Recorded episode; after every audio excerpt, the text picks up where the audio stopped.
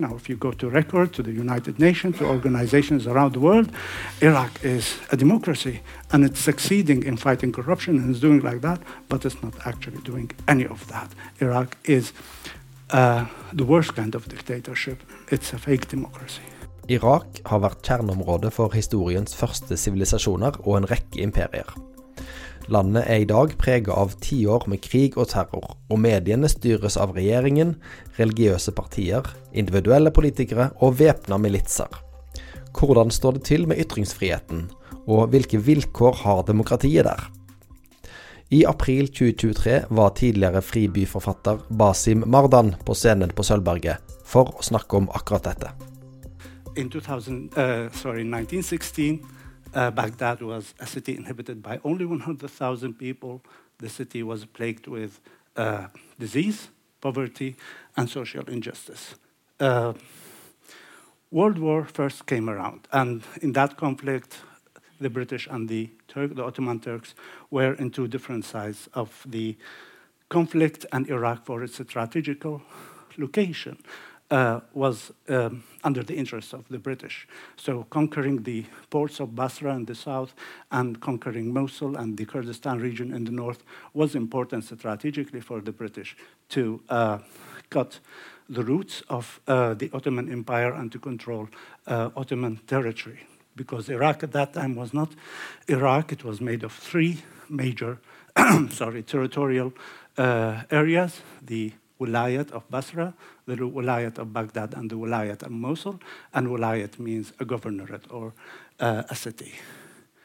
The World War, uh, First World War, uh, the Arabic Peninsula was one of the not so popular fields of the battles of the First World War, but it is very important when it comes to the birth of Iraqi state. In uh, the British at at that time empowered and supported uh, the Hashemite family in the Arabic Peninsula to revolt against the Ottoman Turk in return of the promise of establishing a pan-Arab, pan-Islamic empire in the regions that was controlled by the Ottoman Turks.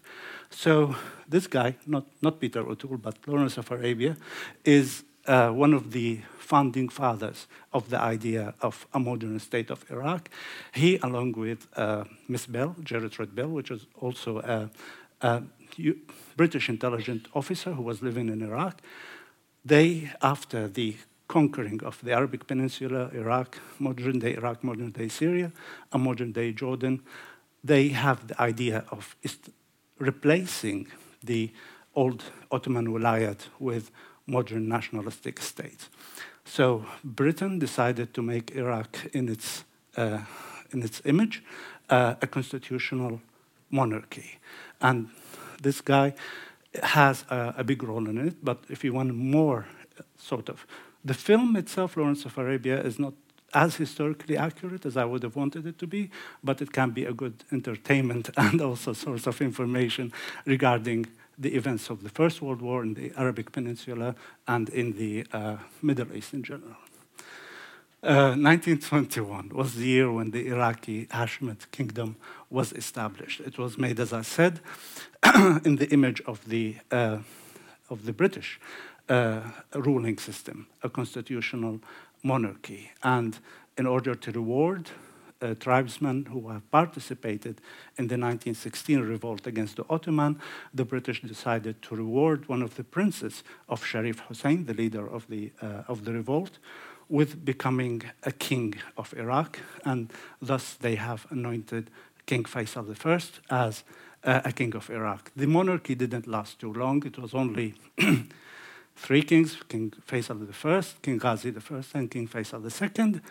Uh, some historians say it was the worst thing that happened to Iraq. Some others says that they have actually established Iraq as a modern state.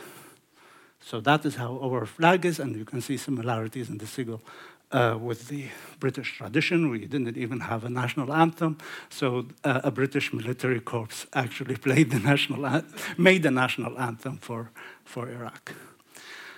in 2025, like four years after the establishment of the Iraqi state, the first Iraqi constitution was written.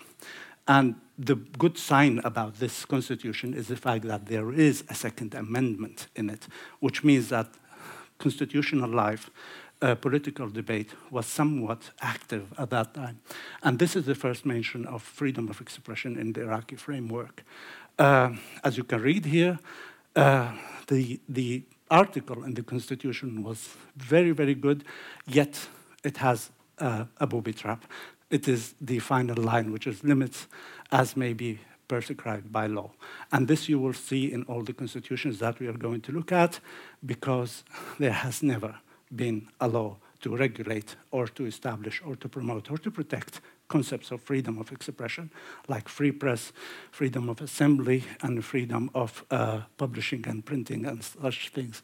There has been some executive degrees, but all of those degrees written in this era and in the next eras that we're looking at dramatically contradict with the concept of freedom of expression. One of the healthy signs of uh, freedom of expression and of the cultural life in Iraq was the establishment of the, Iraq, the first Iraqi pen club. Uh, pen club means part of the organization, PEN International, which is the oldest freedom of expression organization in, in the world. And the idea in, to establish a pen center in Iraq started in 1930, and then it was written down and drafted in 1933 until it was PEN Iraq was approved and certified in the PEN International Congress in Buenos Aires, 1936. And as you see, this is one of the it was rare image, not anymore. Now it's available online, of the first uh, group that sort of made the first uh, Iraqi Pen Center, and as you can see, they are all guys. Uh, but they, uh, some of them are really, really important figures in Iraqi literary history, uh, in Iraqi journalism history. Some of them had background, even uh, they were working in, in, newspapers under the Ottoman Empire. And then uh, in 1941, PEN Iraq was invited to be represented in the PEN International Congress in London. And there are copies available online about the first letter of invitation written by then the former president of PEN International, H.G. Wells, who was insisting that Iraq should be represented in that Congress. And nobody knows why he was interested in Iraq, but I have a theory about it. Uh, uh, at two years after the PEN Congress in London, uh, this film came out. It was called The Things to Come. And uh, in uh, a Jewel sort of image, apocalyptical image of what is going to happen in the world, he thinks that there's going to be a cult of pilots and engineers who are going to be to have their own center, headquarter in Basra in Iraqi Basra. So he was insisting to know more about Iraq and about Basra from Iraqis. And at that time, in, in sort of colonial literature, if I may say, there has been a tendency to either romanticize Iraq more than it should, more than its actual reality, or to uh, fantasize about Iraq. So this is one example about Basra being the headquarters of a secret cult that will control the world. Agatha Christie, at that time, she also wrote a book called uh, They Come to Baghdad about uh, an international conference that is going to happen in Baghdad, which would launch a new world order. And a British girl who got a job in the British Embassy in Baghdad got entangled in a murder crime, like Agatha Christie would write about. So there were tendencies to write about Iraq, but uh, in a very, very superficial uh, way that combines conspiracy with romanticism while the Iraqi PEN delegation was in, in London, which sort of gives you an impression about how Iraq was going at that time in the context of now the Second World War. Something happened in Iraq, which is a coup d'etat. One, the first, second coup d'etat in Iraq, the first one is not significant enough because it didn't come about with any political changes. suddenly a group of Nazi army officers decided to take over the government of Iraq. And the coup d'etat was orchestrated by the Nazi German intelligence. Um, so suddenly the, the young king at that time, King Faisal II, and a prince, a prince regent, King uh, Ghazi, they fled the country while the country just changed uh, sides in the Second World War. This, although has not brought about any constitutional changes or any changes in the legal framework in Iraq, but it sort of marked what was going on actually in Iraq away from what the government thought was going on and what the PEN Center, that is well, that was somehow disconnected. That there was a dissatisfaction with the British connection, with Iraq being part of, you know, part of the war.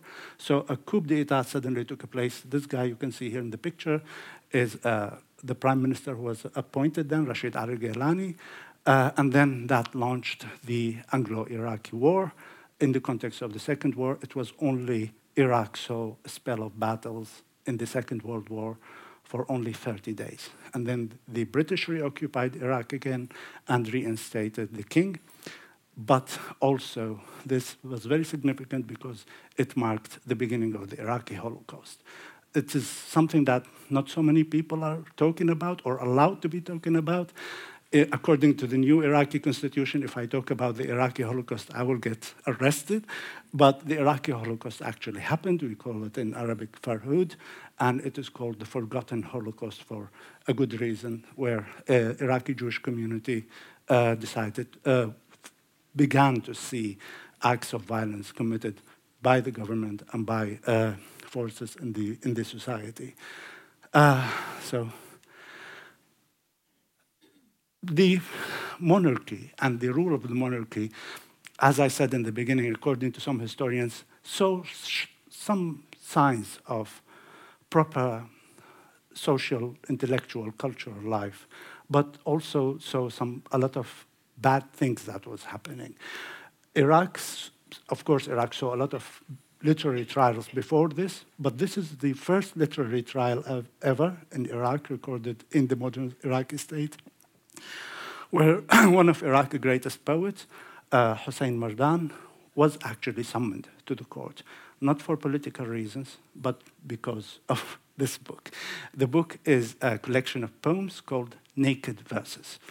And somebody decided to make a complaint in the Attorney General saying that this is a pornographic uh, work of poetry that include indecent and immoral imagery and uh, languages. So Hossein Mardan was summoned to the, to the court, and he had to go through a discussion with the judge about literature.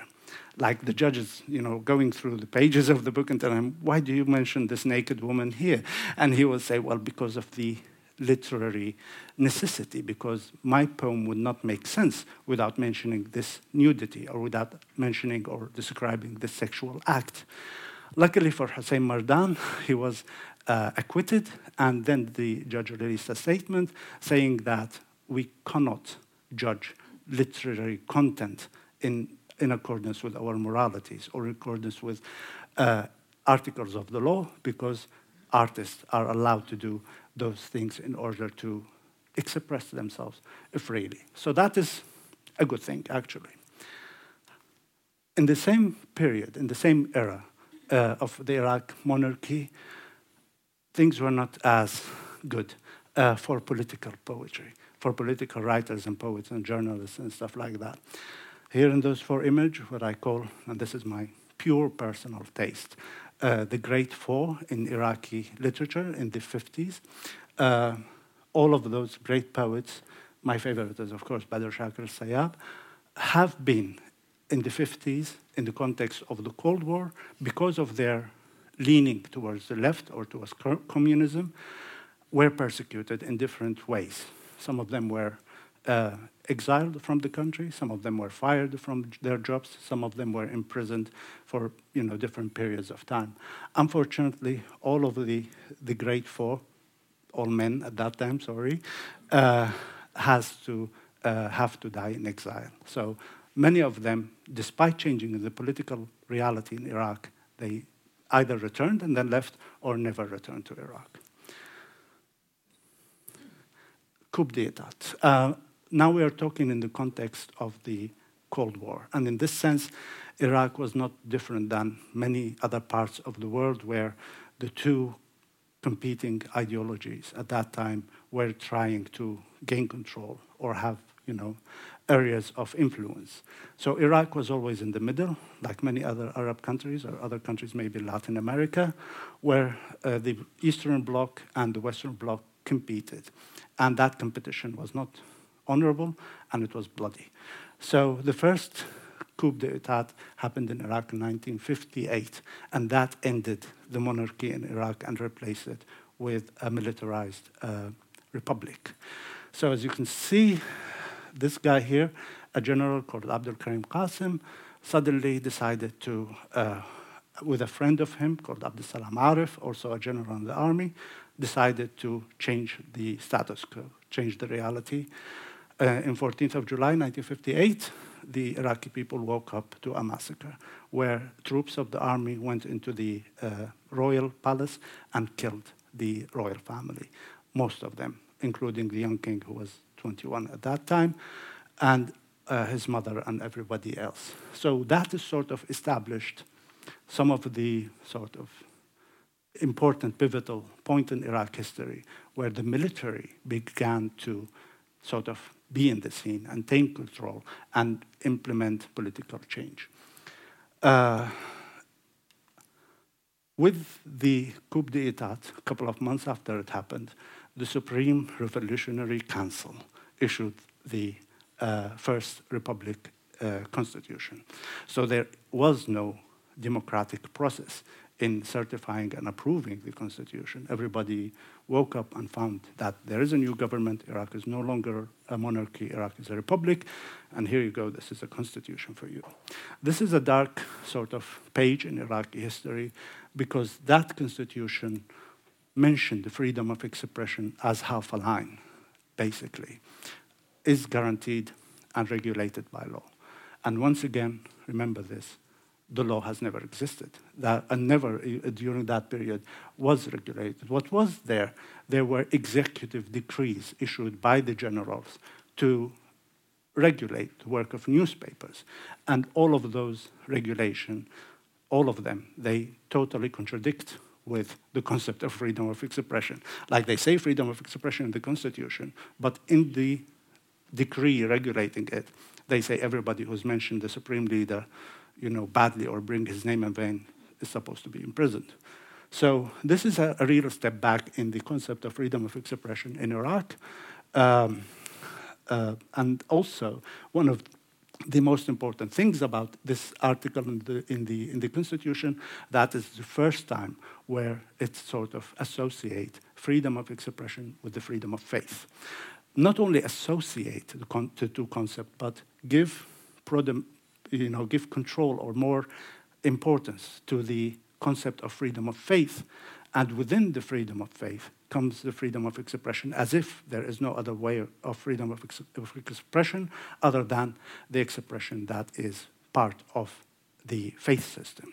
So that is somehow closed the door to any other interpretations of the concept and made it only restricted to, uh, to within the, the remit of uh, uh, freedom of faith. That is, this year, Iraq, as I said, Iraq becomes a republic, and it becomes a republic in a very, very confusion, confusing time in history where the identity of Iraqis or the identity of the Iraqi state is not yet established, is not yet, you know, engraved in stone somehow. So Iraqis gone, went through a really, really traumatizing and confusing era because suddenly uh, affiliation changed, uh, the sides that we were taking in the Cold War were changed, policies were changed, constitution were changed, laws were changed every day.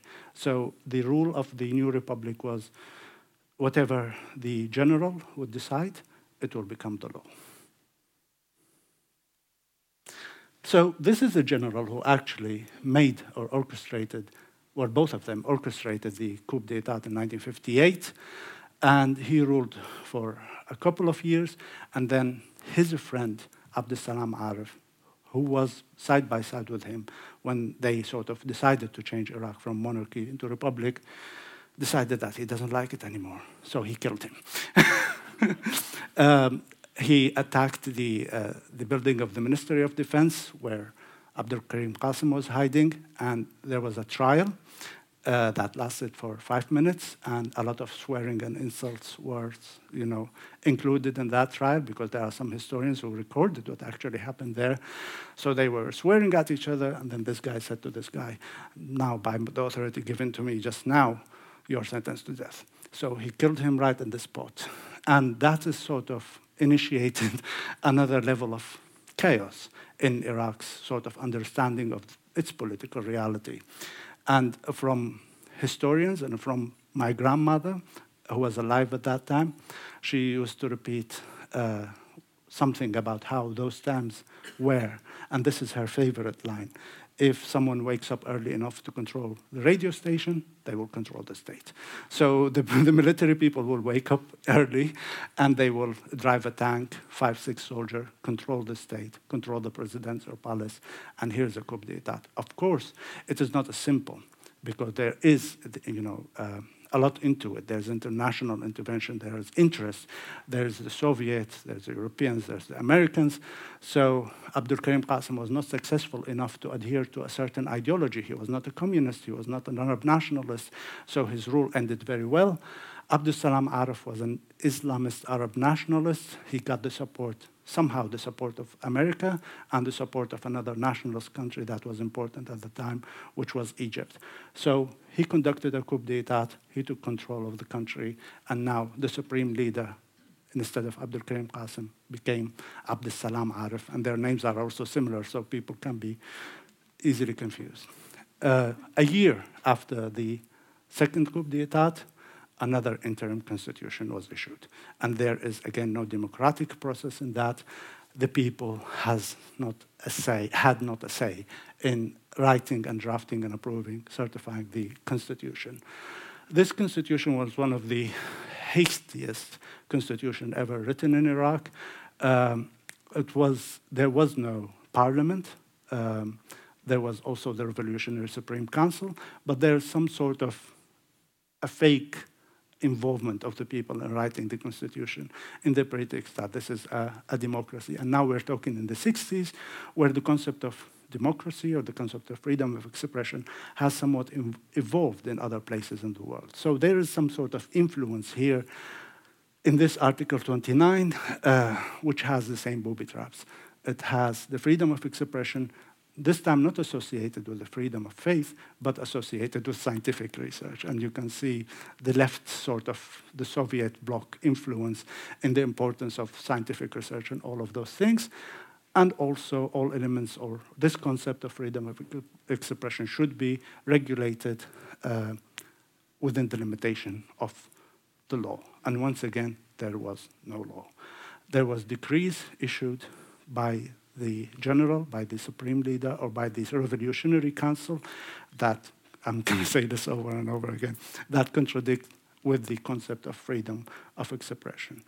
Uh, but this constitution of 1964 had two articles, which is something that we have to give it, uh, give a credit for, because it has mentioned freedom of press, printing, publishing is guaranteed, yet it doesn't mention guaranteed by who? Like, what is the role of the state? What is the role of civil society? It's not obvious, and this is a plague with Iraqi constitution, which is the vagueness of terms. It's guaranteed, you know, passive voice, but nobody knows how, who, what, when. Uh, and also regulated by law. There was at that time some sort of a, a uh, an executive decree to regulate the work of newspapers and radio station, and also the one Iraqi TV channel that was established in the 50s. But all of those were state-owned, and there was no independent journalism, and there was no area for opposing parties to have their own media outlet. So, from 1964, we had new, uh, we had two newspapers, one radio station, and one TV station, and all regulated and run and controlled and owned by the government. By the, you know, it can be called the government. It's the time when there was no government in the modern understanding of a government, it was just one person. And depending on the mood of that person, the government will act.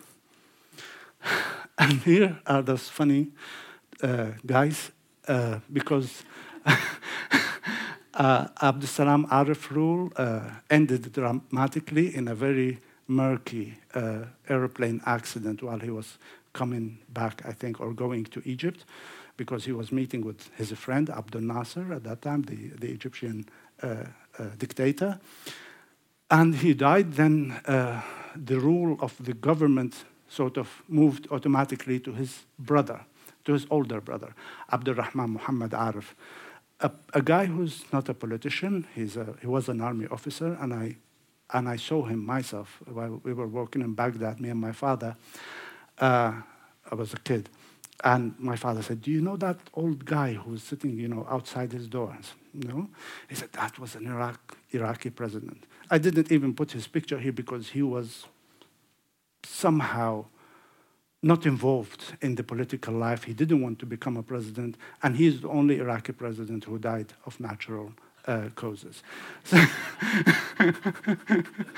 uh, coup d'etat in 1968, uh, the Ba'ath Arab Nationalist Revolutionary Party. Here we can see a shift in the political mood uh, of Iraq in the context of the Cold War. Iraq is moving somehow towards the Western bloc. Yet, the Western bloc supported a nationalistic and socialist party, uh, represented in this guy here, uh, former President Ahmed Hassan al Bakr, and his thug guy, uh, Saddam Hussein. Um, he became a president in what Iraqis called, because that period of time they didn't see any conflict, they didn't see any involvement in the Arab Israeli conflict or stuff like that. Um, he was supposed to be a very, very peaceful person, military person who believed in Arab nationalism, who believed that Iraq uh, is a part of a biggest uh, ideological entity, which is Arabic, has no other identity other than Arabic. It's not Islamic, it's not Iraqi, it is an Arabic identity. And this is sort of the uh, pivotal uh, part of the Ba'ath Nationalist Party ideology. So Ahmed Hassan al-Bakr became the general slash president, and he has uh, a second sort of, he has a, a supportive guy who has, who nobody knows where he came from, nobody knows what his background is, who's Saddam Hussein. But they are somehow related because they are from the same region uh, of Iraq. And here comes yet another interim constitution. Uh, the interim constitution of 1968. Uh, this was written supposedly by the, uh, because instead of having a parliament after the coup in 1968, um, we have another revolutionary council. In the revolutionary council, by the way, it's not revolution, it is only called revolutionary, but it's made by a coup. Uh, the revolutionary council is the people, the generals who contributed to the coup who committed crimes, who killed people. So Ahmed Hassan Bakr Saddam Hussein will choose his friends, and they will become the uh, Revolutionary Council, who would function as a parliament, not elected. Many of the people Iraqis have never heard of. So it's all, always interesting in Iraq to know who are the members of the Revolutionary Council because it's always a, a, mystery like who's this person, who's that person?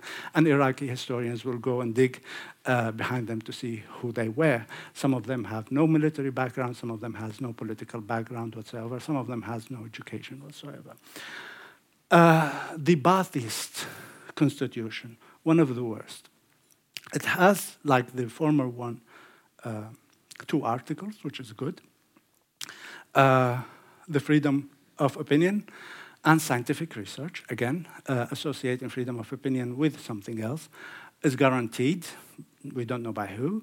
Every citizen has the right to express and publish their opinion as regulated by law, a law that has never seen the light.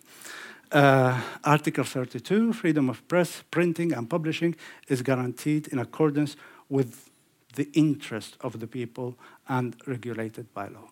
And once again, the vague borderline terms that has no um, legal interpretation. Like, what is the interest of the people? Uh, how can we know what is, if this article serves the interest of the people or if it doesn't? Basically, all of the constitutions that we looked at are political and ideological tools. They were made and done and written to certify and to consolidate the rule of the ruling party or of the ruling person.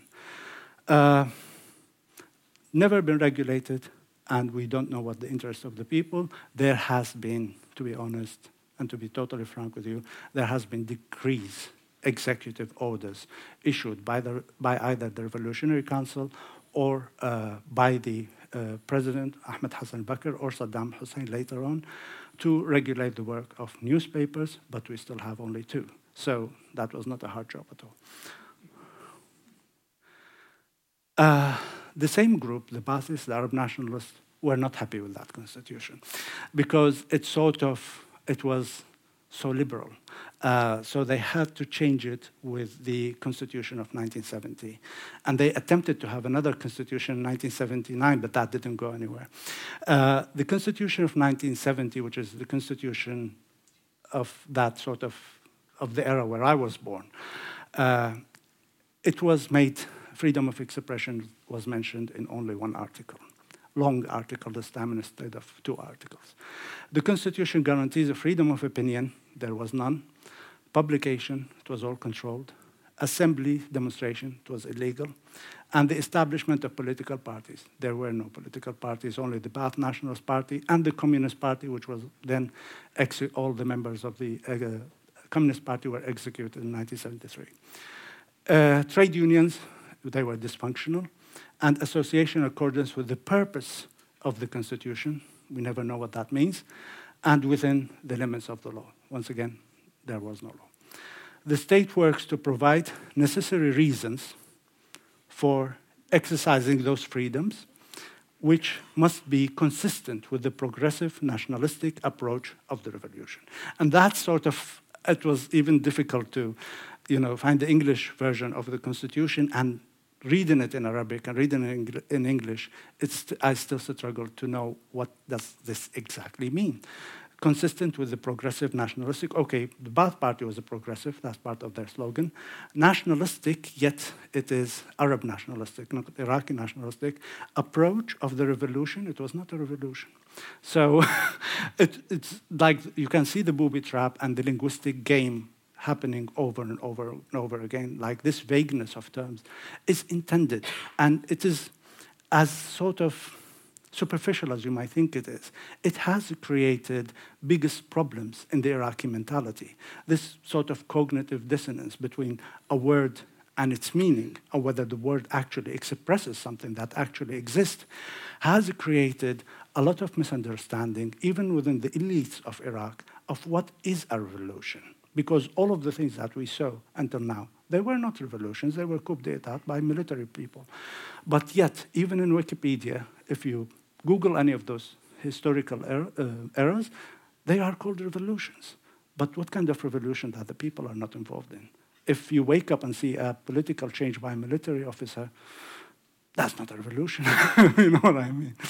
So that is the actual constitution of which I spent all of my life under, if I may say. Uh, and it was really forgotten. Like nobody knew that Iraq has a constitution.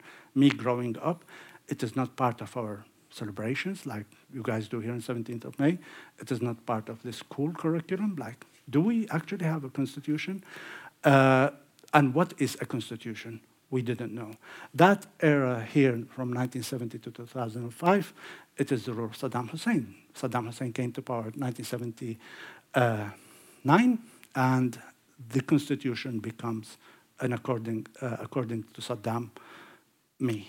So when he was asked in TV interviews, like uh, a, a, poor woman or a poor man will come to him while he's visiting some place, and they have a, a request or a demand, and he would say, "We write a law about that." And he was saying that I am the law. So the law was changing in accordance to his moods and according to how he was feeling at that certain day or time, and the constitution did not actually exist. Like I grew up in Iraq, and I was a bookworm, and my family all reads, and we have a big, big collection of books.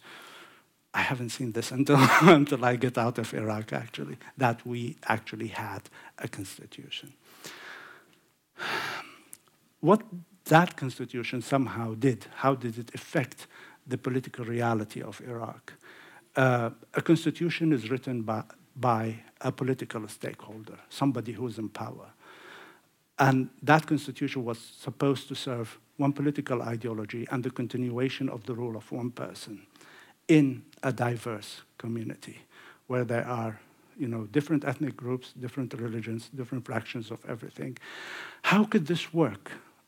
Even if you try to imagine it, like all of us here in Norway, Norwegian people, how could we work if one political party write the institution or the constitution for us? At that time, 1970s, we are talking, still the Cold War and still conflict and still civil unrest in Iraq and many parts around Iraq. By the 1970s, early 1980s, all the Jewish Iraqi community has by now been eradicated, most of it. A couple of people remained. So that is another element of the Iraqi demographic diversity has been removed. Thanks to that constitution, maybe. 1982, the Persian Iraqi community. Iraq and Iran, very, very close neighbors, very interlinked history. And in Iraq, we had uh, an ethnic group called Iraqi Iranians. Uh, uh, they are Iranians, they speak Persian, but they're Iraqi. You know, they have been Iraqis for many, many years. And Saddam Hussein, 1982, 1981, 1982, decided that those people do not belong with us. They should move. So he started a military campaign, getting people outside their houses and throw them into the desert, into the Iraqi, into the Iraqi-Iranian borders. Families were broken, wives were and husbands were separated, children were thrown into the desert. So one other element of the Iraqi uh, sort of ethnic, cultural demography has been eradicated. The Kurdish movement was at its peak in the 1970s. There, of course, there's an international element into this. The, you know, the Iranian Shah uh, regime, the monarchy in Iran, was investing in that conflict in Iraq, and also other international stakeholders. But the war was going on in northern Iraq. The Ba'ath regime, Arab nationalist regime, would not allow Kurdish people to exist practicing their cultural and political rights. So there was some sort of, you know, a peace settlement that was made 1973 that didn't hold any water and ended also with war and conflict. Iraqi communists now are eradicated. They are somehow, like many other countries, part of the Iraqi political sort of life, because at that time in Iraq we had very, very little options, either being you know, nationalist, Arab nationalist, or either being communist. So by 1970s, 1980s, Iraqi communists were, there were many security crackdowns against them. Uh, the commu communism became illegal, and uh, communists were hanged in the street. And many of them had to flee the country. And because of communists influenced by the Soviet Union, we're focusing on art, culture, literature. Unfortunately or fortunately, many of the Iraqi actors in, in, in, in writers, actors in the cultural life were somewhat communist or were somewhat leftist. So by targeting Iraqi communists, Saddam Hussein lost a big chunk of the Iraqi cultural movement. So this is where all the singers have to flee, all the writers have to flee, all the uh, uh, uh, you know, the dramatists have to, to flee, all the journalists have to flee. Uh, Saddam Hussein and his regime didn't only stop there, because Iraqi Ba'ath Nationalist Party is divided into two wings, the left wing in, uh, in, uh, in Syria and the right wing of the Iraqi Nationalist Ba'ath Party in Iraq. Um, so the left wing of the Iraqi Ba'ath Party Saddam's comrades who brought him to power, he started targeting them, executing them in, uh, in, in, in, hundreds. And there is an, a famous event in Iraq where Saddam, called uh, Al Khuld Hall, where Saddam has a meeting with all the members of the Ba'ath Party, and he started picking up his friends, actually. Um, who are associated with the left wing of the same political party and accuse them of treason. And these people were executed right outside that hall where that event happened. It's on YouTube, and Saddam was sitting there smoking his Cuban cigar and crying, basically, while he's uh, ordering uh, his guards to execute people. The Islamist movement in the 1970s was not as strong, uh, not as now. Isla- when I say Islam, it's like political Islam. The both branches of Islam, Sunni and Shia, Iraq is a, a, a majority of the inhabitants are Muslims, uh, and they are divided into two schools of thought either Shia in the central and south of Iraq, or Sunni in western and northern of Iraq. There has been political parties at that time because 1979 uh, Ayatollah Khomeini came to power in, in Iran and he allowed political activism.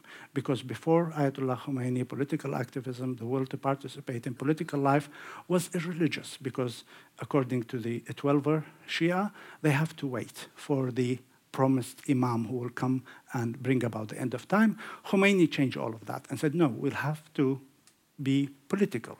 And he came to power, he became somewhat of the supreme leader of Iran, and the Shia in Iraq started forming political parties. And Sunnis, the Islamic Brotherhood, for example, the Muslim Brotherhood was in Iraq, all those two groups were directly persecuted by the Ba'ath regime. Uh, this created a reality, a political social reality in Iraq. You're either with the regime or you are against it. There is no way of becoming again, you know, in between. And Saddam Hussein has a very psychopathic ways in order to for people to prove that they are with the regime. Like one of the things that we talk about in Iraq, uh, he will call all the university teachers for military training. If some of the university teachers would not go to the military training, he will order their colleagues, other university teachers who went to the training, to execute them. So there were tests and trials of loyalty over and over and over again. Those practices damaged uh, the collective psychology of Iraqis, and this is what led Saddam to rule a country for 40 years, a country that's very active culturally, that's very active politically, but he created the cracks, not only within the demographics of Iraq, not only within the people of Iraq, but he create, managed somehow, as many psychopathic dictators would, in the Iraqi psychic, in the Iraqi psyche, in the Iraqi uh, con, you know, constitution of health, whatever that is right or whatever that's wrong. So Saddam Hussein damage was not only political, not only financial, it was psychological and it was moral or immoral in that sense. Uh, the Republic of Terror. This is what I was talking about actually from 1979 until uh, the collapse of Saddam Hussein. Uh, and one of the things that we used to say in Iraq uh, in the time of Saddam Hussein, that the walls have ears, that we cannot talk, even at home, because the intelligence will hear and the intelligence are people around us. Here's a test. If there were many Iraqis in the, in the, in the saal here in the hall, I would ask them, who is this guy? Because this guy was a very, very famous singer uh, in Saddam time. He was on TV, he was on radio, and he got wiped out from history in the most uh, Orwellian uh, way. Uh, he got drunk one day, that was his crime, and went home to his bedroom with a wife who was not very happy with him because of property dispute and made a joke against Saddam Hussein and criticized the regime. He was executed and wiped from history. Uh, no, nobody would know him. Uh, he was wiped from the Iraqi archive. He was wiped from the Iraqi radio archive and TV archive. Sabah al-Sahel becomes forgotten suddenly. I grew up not knowing who he is, even though that he was only executed in 1993. That atmosphere, when it comes to freedom of expression, was so poisoned was so toxic.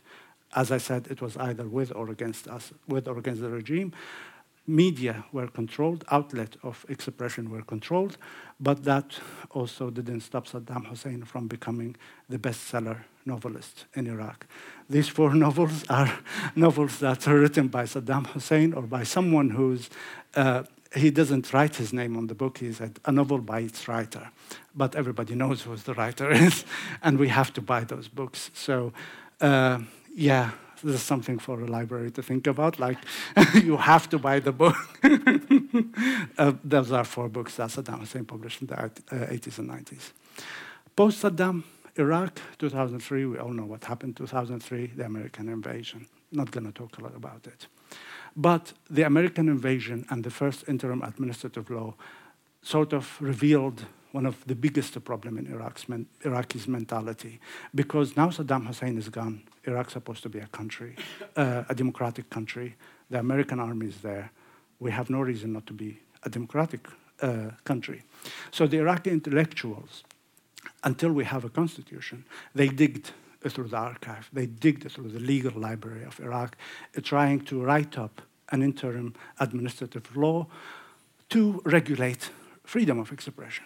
But what did they find? They find that history that we just went through something that is horrible, something that is meaningless, something that is vague. So the first administrative law written in the democratic Iraq sort of allow silencing of media outlets, allow unpronounced searches and confiscations of media production materials, and a closure of media organization in the democratic Iraq. Because where would we bring ideas from?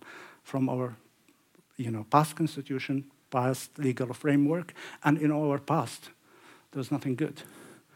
Uh, the civil administrative uh, authorities new interim law based on regulation issued by Saddam Hussein in 19, uh, by not Saddam Hussein himself, by the Ba'ath regime in 1969. And until today, Iraq is supposedly a democracy. Iraq's penal code, like the code of which people are persecuted or prosecuted, is the law that was written by the Ba'ath Party in 1969. It's a shame because it uh, allows and legit uh, legitimizes the abuse of women, the abuse of children, and it allows men to practice what the law describes as the rightful uh, practice of discipline for women and children, and this is today. In 2005 comes a new constitution. We have a new parliament, almost a new parliament, and uh, that is the, one of the blackest pages of uh, Iraqi history. I didn't sort of vote for this constitution, but I was in Iraq back then, and I was encouraging people to go in order to participate in the referendum for the constitution, because at that time it was the state versus the no state. After the American invasion, civil war started, uh, international intervention started. Um, terrorism started. So Iraqis actually went and risked their life in order to participate and approve this shameful uh, constitution in 2005 because they chose to be on the side of the state. They chose to be on the side of a state that has a constitution, finally, after not realizing what this concept means for many, many years. This one has fatal flaws the Article 38 says the state shall guarantee, in a way that does not violate public order and morality, freedom of expression using all means, freedom of express, uh, sorry, of press, printing, advertisement, media, and publication, freedom of assembly and peaceful demonstration, and all shall be regulated by law. And don't ask me. there were attempts since 2005 until now to regulate those things by law, but there were only executive decrees, and the laws that they were suggesting, uh, the bills that they were suggesting to the parliament, are all shameful, are all against the concept of freedom of expression. Here you can see violate public order, we don't know what that is, and we don't know what morality is. There is no law that describes morality and what is legal in moral terms and what is illegal in moral terms. So the Constitution leaves us afloat when it comes to this. Other fatal flaws of the 2005 Constitution is the biggest paradox on earth.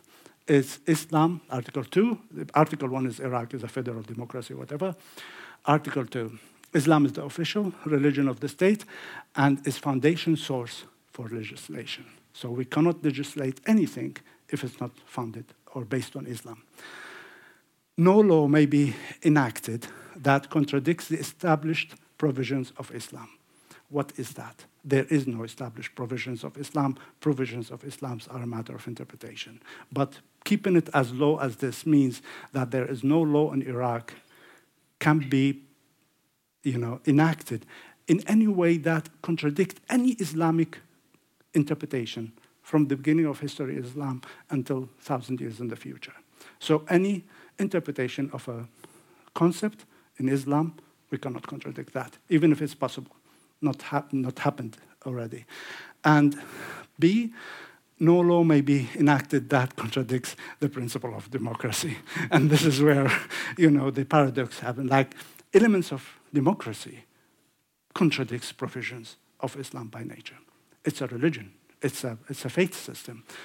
But elements of democracy, freedom of speech, a freedom of being yourself, freedom of being an individual, freedom, sexual freedom, personal liberties, uh, the freedom of religion, which means the freedom of not having a religion, maybe, or the freedom of having two religions at the same time. How can those two articles, two elements of one article, come together in one place? This has not yet, this question we'll never find a, an answer for. Other fatal flaws in the constitution that we have now in Iraq. Constitutional legislation is left to Islamic parties with armed militia. You remember what I told you about Islamic groups that were persecuted by Saddam? After the removal of Saddam, the most natural thing is what? Is those opposition powers to come to, to be uh, the, the main powers, the main po uh, political stakeholders. Those are the ones who are in power now. So if we want to make any constitutional legislation, we'll have to go through them and they will never let us. They will never entitle Iraqi women to have a law to protect them from domestic violence or from honor killing. They will never let a law uh, to determine protection of children from the right of discipline given to parents and teachers. They will never allow us to uh, introduce any law that will ensure people more protection. Uh, blurred lines of morality, public interest, civil order, peace, and all of those things repeated in the Constitution we don't know what they mean. Uh, freedom of expression allowed in theory. So you can have freedom of expression, go away, but not uh, protected, not promoted, uh, and not uh, encouraged to be practiced in actual life. The Iraqi constitution doesn't see Iraq as a society, it sees it as a state, government, and a bunch of people but there is no room for civil society, there is no room for political activism, there is no room for change. Other fatal flaws, uh, as I said, the constitution is written as a service to political parties who are opposing Saddam Hussein. The first page, the introduction of the constitution, mentions those parties by name. Like, imagine a constitution that says uh, Høyre is one of the best parties in the world. Or Venstre is one of the parties that, you know, participated in rebuilding Iraq. So the constitution was a, glorifi a glorification tool for political parties. No space for civil society. There is no room in the constitution. There is no mention of civil society, of life, of actual life, of theater, of cinema, of singing, of music, of practicing the rights of people. Uh, you know, articles in the Constitution contradict with one another. There's an article that says something. A couple of page, pages later, there's an article that says the total opposite thing. And this is creating constant uh, political problems because interpretation of articles of the Constitution, this what has led for each Iraqi election since 2005 until now, whoever wins the election actually loses the election. So the people who win the election do not govern but the losers actually, because of different interpretations of the Constitution, actually the one who comes to power, which is creating ongoing political conflict and dissatisfaction. Uh, down, downplaying democratic process and tools. Uh, democracy in the Iraqi constitution is election.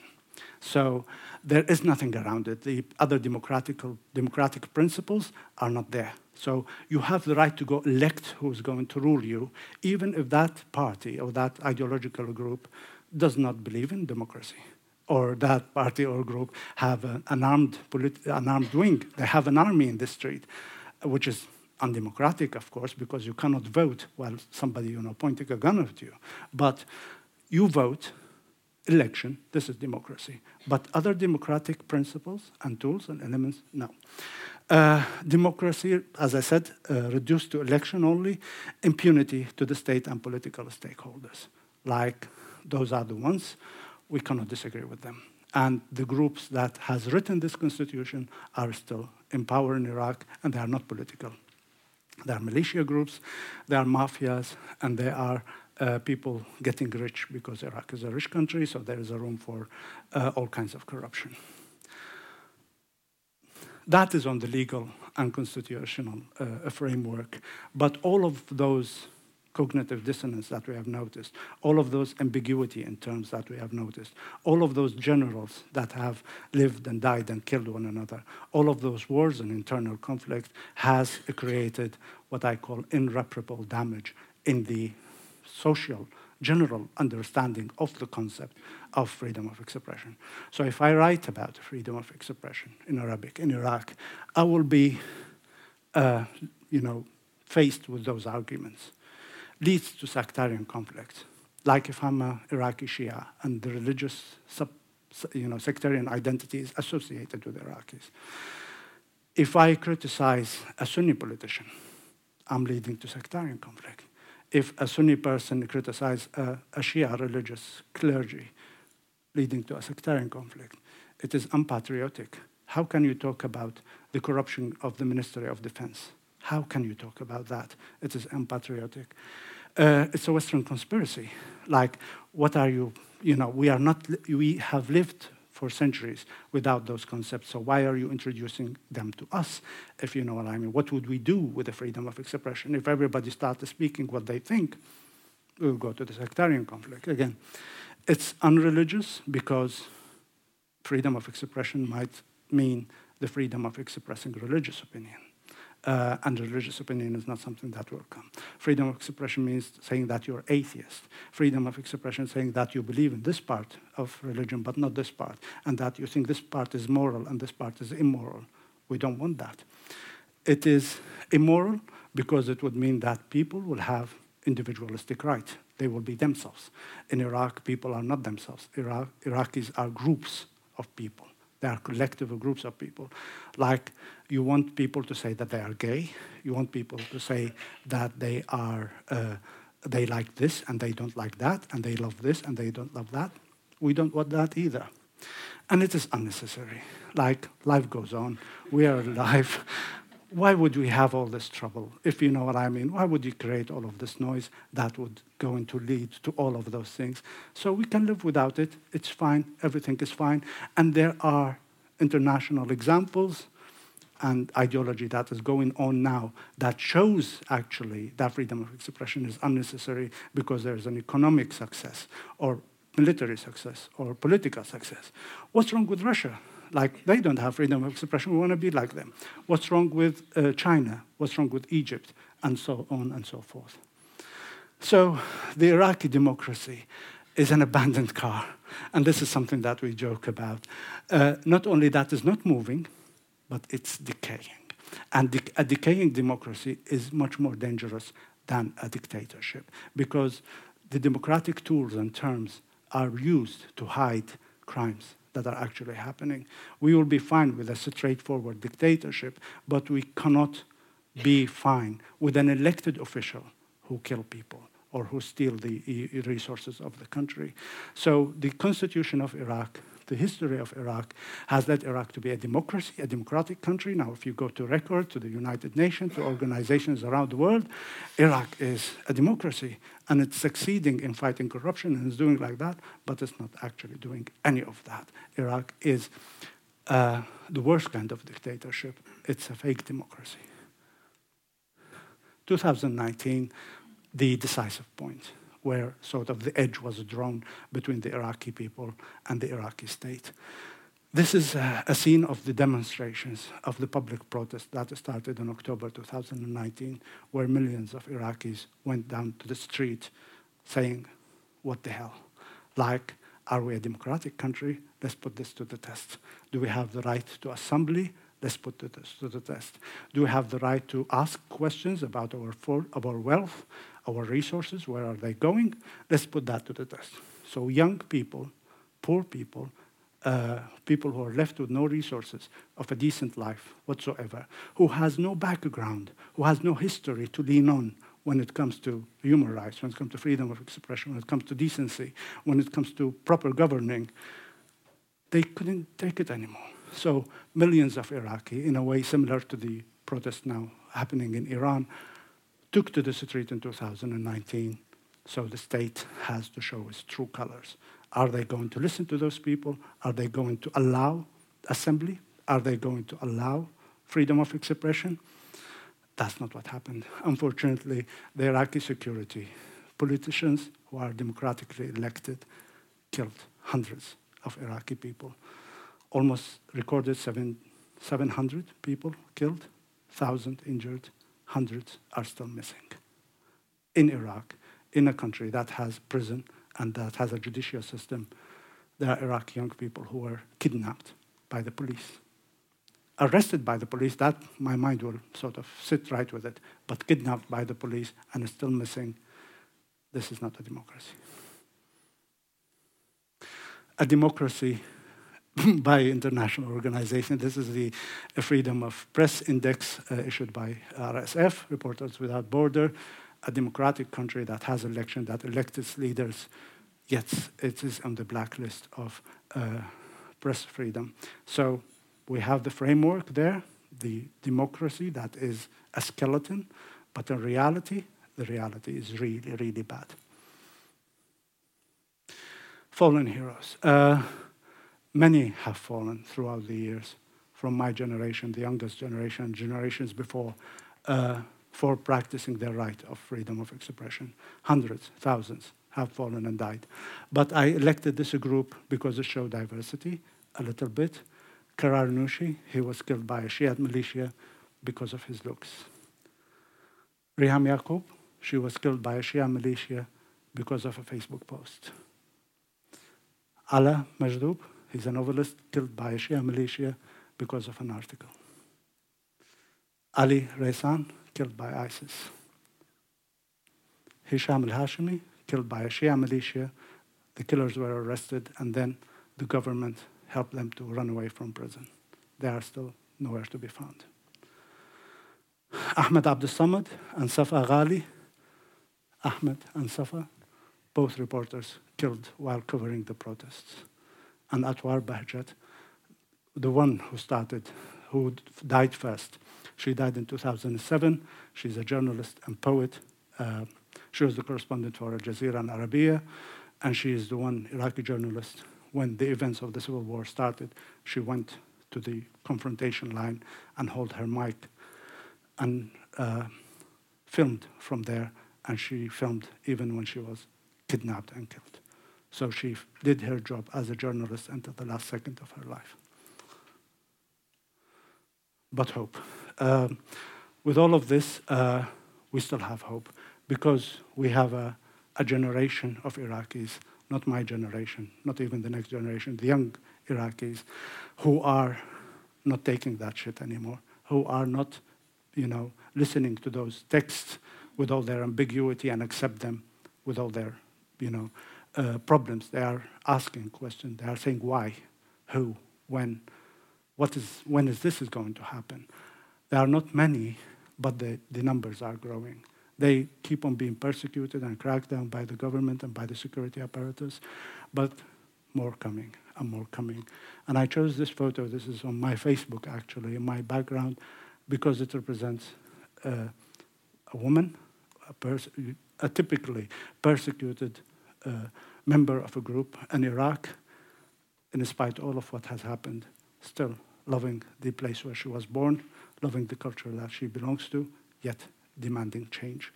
And what she's saying in her is revolution is as strong as steel, as red as embers, as everlasting as oaks, and as deep as our feverish love for our homeland, because there is no way to justify this love that we have for our homeland other than being feverish, other than being a crazy moment of love that we found ourselves there.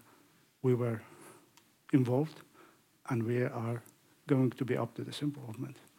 Thank you very much. And one more thing, sorry.